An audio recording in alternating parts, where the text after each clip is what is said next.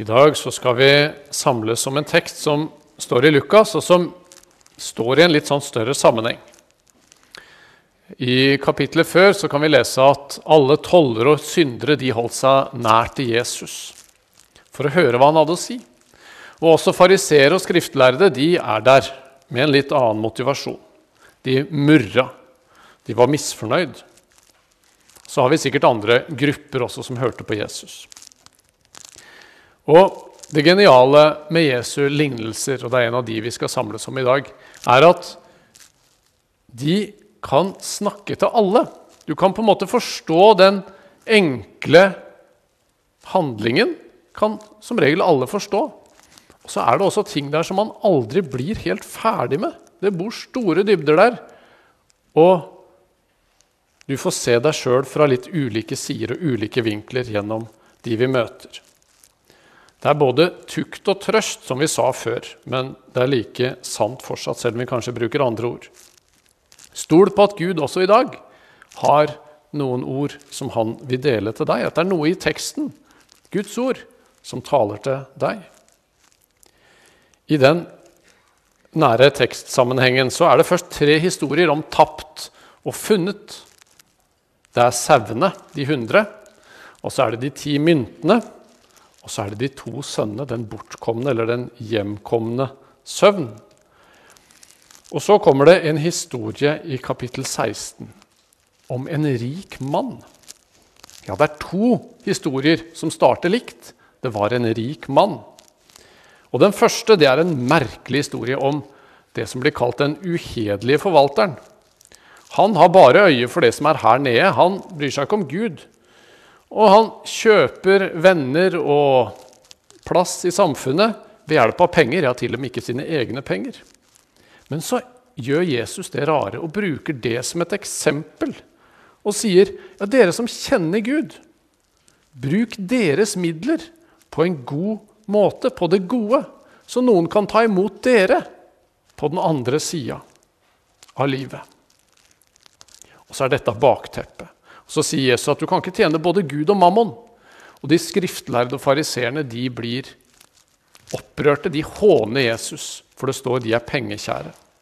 Og da fortsetter Jesus og forteller en historie til. Og vi kan ane at dette blir litt ubehagelig, også for oss. Og Da skal vi reise oss og lese det hellige evangelium. Det står i Lukas 16, vers 19-31. Og vi leser i Jesu navn. Det var en rik mann som kledde seg i purpur og fineste lin og levde i fest og luksus dag etter dag. Men utenfor porten hans lå det en fattig mann som het Lasarus, full av verkende sår. Han ønsket bare å få mette seg med det som falt fra den rikes bord. Hundene kom til og med og slikket sårene hans. Så døde den fattige, og englene bar ham til Abrahams fang. Den rike døde også og ble begravet. Da han slo øynene opp i dødsriket, der han var i pine, så han Abraham langt borte og Lasarus tett inntil ham.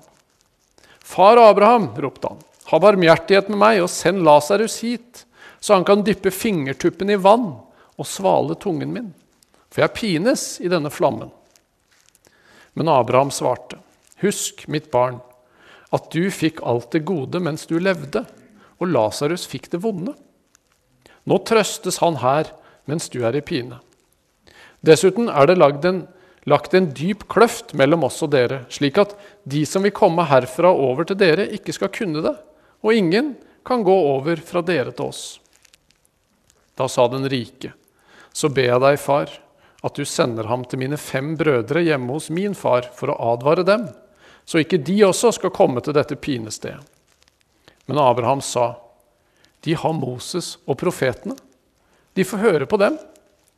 Han svarte, 'Nei, far Abraham, men kommer det noen til dem fra de døde, vil de omvende seg.' Abraham sa, 'Hører de ikke på Moses og profetene?' lar de seg heller ikke overbevise om noen står opp fra de døde. Hellige Far, hellig oss i sannheten. Ditt ord er sannhet. Amen.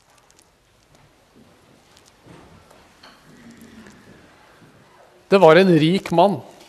Og hva vet vi om han? Vi vet at han hadde flotte klær. Det står om purpurklær andre steder i Bibelen også. Det er kongelige klær ofte. Den rike mannen han levde som en konge. Det var fest og luksus dag etter dag. Stort mer får vi ikke vite. Men vi vil vite mer, vil vi ikke det? Vi vil gjerne ha litt detaljer.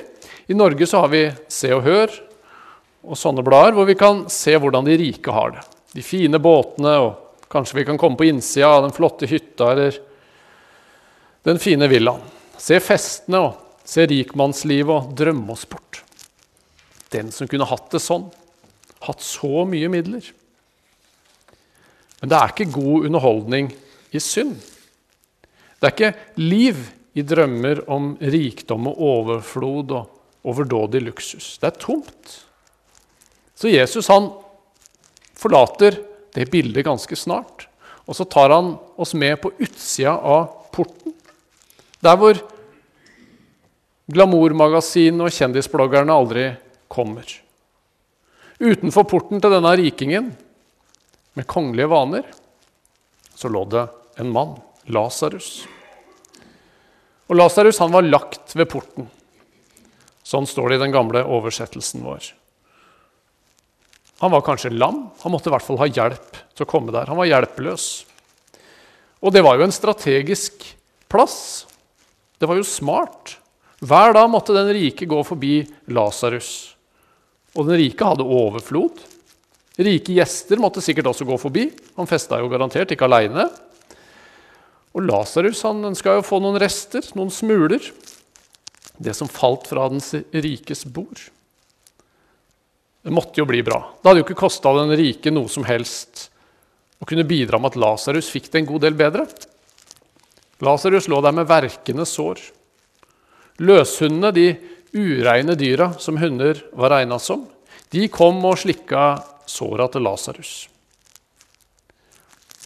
Han var på feil side av porten. Men så hører vi ingenting om at den rike hjelpa til. Hvorfor er det sånn? Kanskje han var redd for å bli urein? Lasarus var åpenbart urein der han lå. Og om han kom for nær, vel, kanskje synagogebesøket gikk i vasken. Kanskje festen måtte avlyses denne uka. De kunne jo ikke være ureine. Det ville jo være for ille. Eller kanskje var den rike mannen redd for at ryktene om eventuelt godhjertahet og hjelp skulle spre seg, så det kom flere fattigkarer på besøk.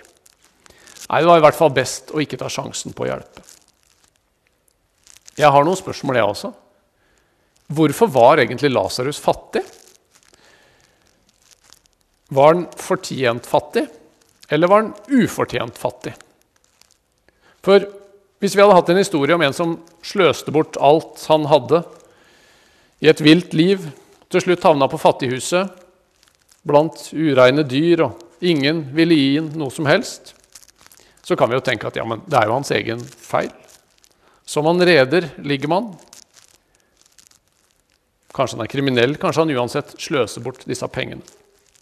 Vi trenger ikke ha spesielt dårlig samvittighet for å ikke hjelpe. kan vi føle oss litt bedre. Men så får vi ikke den informasjonen. For det er ikke sånne vurderinger vi bes om å ta. Det er ikke sånn vi er kalt til å tenke og vurdere og porsjonere ut Guds godhet. Og noen har kanskje kobla det allerede. Jeg nevnte en av historiene som er før vår historie. Vi har historien om den bortkomne sønn. En slabbedask av en fortjent fattigfrans. Sløste bort alt på fest og på damer. Som også havna blant ureine dyr det var griser. Ingen ville gi han noe. Og Hvordan ble han møtt når han kommer hjem til sin far, til Gud? Han blir møtt av Gud med åpne armer, med fine klær og et festmåltid. Så Gud lønner ikke den fattige synderen etter fortjent eller ufortjent. Han inviteres inn. Alt er nåde. Grensesprengende nåde. Alt er ufortjent. Han møter den fattige med sin fars kjærlighet. Og ikke med smuler. Han møter den fattige ved å invitere ham inn til fest med de fineste klær og ring på fingeren. Og så er det én ting. Dette er det eneste stedet i alle Jesus sine lignelser hvor en av personene har et navn. Lasarus. Navnet Lasarus betyr 'Gud hjelper'. Alle i samfunnet kjente sikkert navnet til rikingen. Men Gud kjenner navnet til Lasarus, den fattige utafor porten. Gud var Lasarus sitt håp. Og Gud er ditt håp. De jordiske velsignelsene som du har, eller kanskje du ikke har, det er ikke noe tegn på om du står i et rett forhold til Gud eller ikke. Verken ene eller andre veien. Lasarus berges ikke fordi han er fattig, men fordi han har sin tro og sitt håp til Israels Gud og hans løfter. Gud hjelper. Og så døde den fattige. Ja, den fattige døde først. Sånn er det ofte.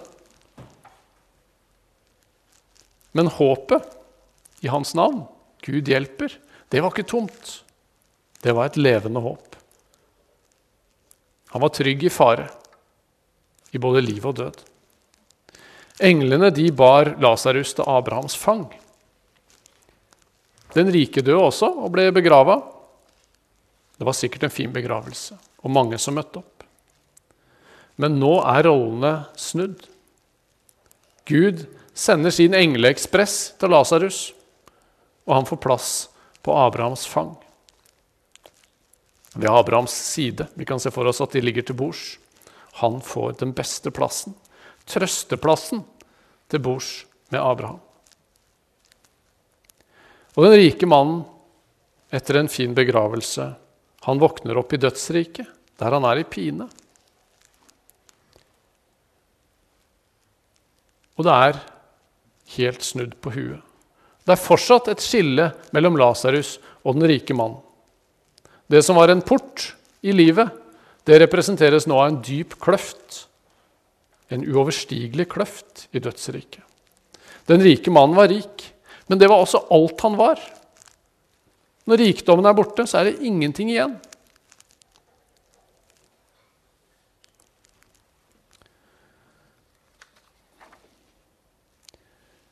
Gud han hadde velsigna denne rike mannen med gode gaver.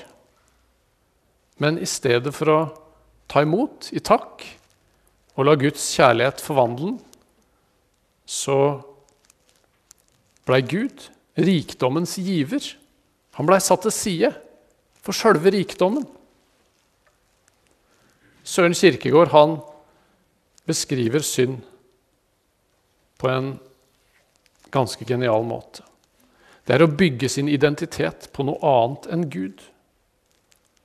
Altså å ta det gode og gjøre det til det ultimate. Å dyrke skapningen framfor skaperen. Gaven framfor giveren. Du skal ikke ha andre guder enn meg, sier Gud, for det fins ingen andre. Og så er det ikke rikdom som først og fremst angripes i denne lignelsen. Abraham var jo rik. Jobb, som vi kan tenke på i starten når vi hører om verkende sår, og de festa dag, og, dag etter dag, sånn som Jobbs sønner. Han var også veldig rik. Gud er rik. Men penger og rikdom det kan lure oss til å bygge vår identitet på noe annet enn Gud. Stenge hjertet for Guds kjærlighet til andre. Og tenke at 'jeg bygger en demning', jeg. Sånn at jeg kan ta imot all velsignelsen som strømmer i min retning. Jeg kan ta den imot, og jeg kan virkelig bade i velsignelser. Nei, sier teksten vår. Da renner det jo ikke videre hvis du demmer opp. Jesu kjærlighet vil renne gjennom deg.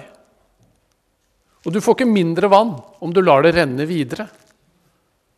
Men det blir fortsatt friskt og godt, det vannet også for deg og for de som står nedenfor deg. Sånn er det med Guds kjærlighet også. Du har overflod om du gir det videre. Hva vil det gagne et menneske om det vinner hele verden, men taper sin sjel? spør Jesus retorisk en gang Å havne på feil side av denne kløfta, adskilt fra Guds trøst. Det kan aldri kompenseres i flyktig nytelse og rikdom her nede. Men den rike mannen, han er på et vis fortsatt seg sjøl. Han ber om at Lasarus skal tjene ham. Han ber om den barmhjertigheten som han sjøl ikke ville gi Lasarus. For nå er Lasarus nyttig for han. Og Så legger vi merke til den lille detaljen at den rike mannen han kjente Lasarus sitt navn. Han visste hvem Lasarus var. Han hadde hatt muligheten. Men han ville ikke forbarme seg over han mens de levde sammen. Så kaller den rike mannen Abraham for far. Men han behandler aldri Lasarus, sin medisraelitt, som en bror. Han visste hva som sto i Moses og profetene. Lukk villig opp hånden for din bror, for de nødlidende og fattige i landet ditt, som vi leste. Og i Mika 6.: Han har kunngjort for deg, menneske, hva godt er. Og hva krever Herren av deg? Bare at du gjør rett, viser trofast kjærlighet og vandrer ydmykt med din Gud. Derfor har de ingen unnskyldning, sier Paulus. De kjente Gud, men likevel lovpriste og takket de ham ikke som Gud. Sånn er det også for oss. Vi har ingen unnskyldning for å lukke våre søsken ute. Vi elsker gjerne våre nærmeste. Det gjorde også denne mannen. De fem brødrene fikk sikkert stadig komme på fest. Men vi får altså kalle Gud for far. Og det forplikter. Det gir deg en bror og en søster i alle du møter på din livsvei. Din neste er din søster eller din bror. Det er din Lasarus, den som Gud lar deg møte i ditt liv. En som Jesus har dødd for. En som Gud møter deg gjennom. En som Jesus møter deg gjennom. Det dere gjorde mot en av disse mine minste, sier Jesus, det gjorde dere mot meg. I møte med en så brutal tekst så må du og jeg be om å få se hvor vi har demma opp for Guds kjærlighet, sånn at ikke kjærligheten får renne videre. Vi må be om å få se med nye øyne på de vi møter.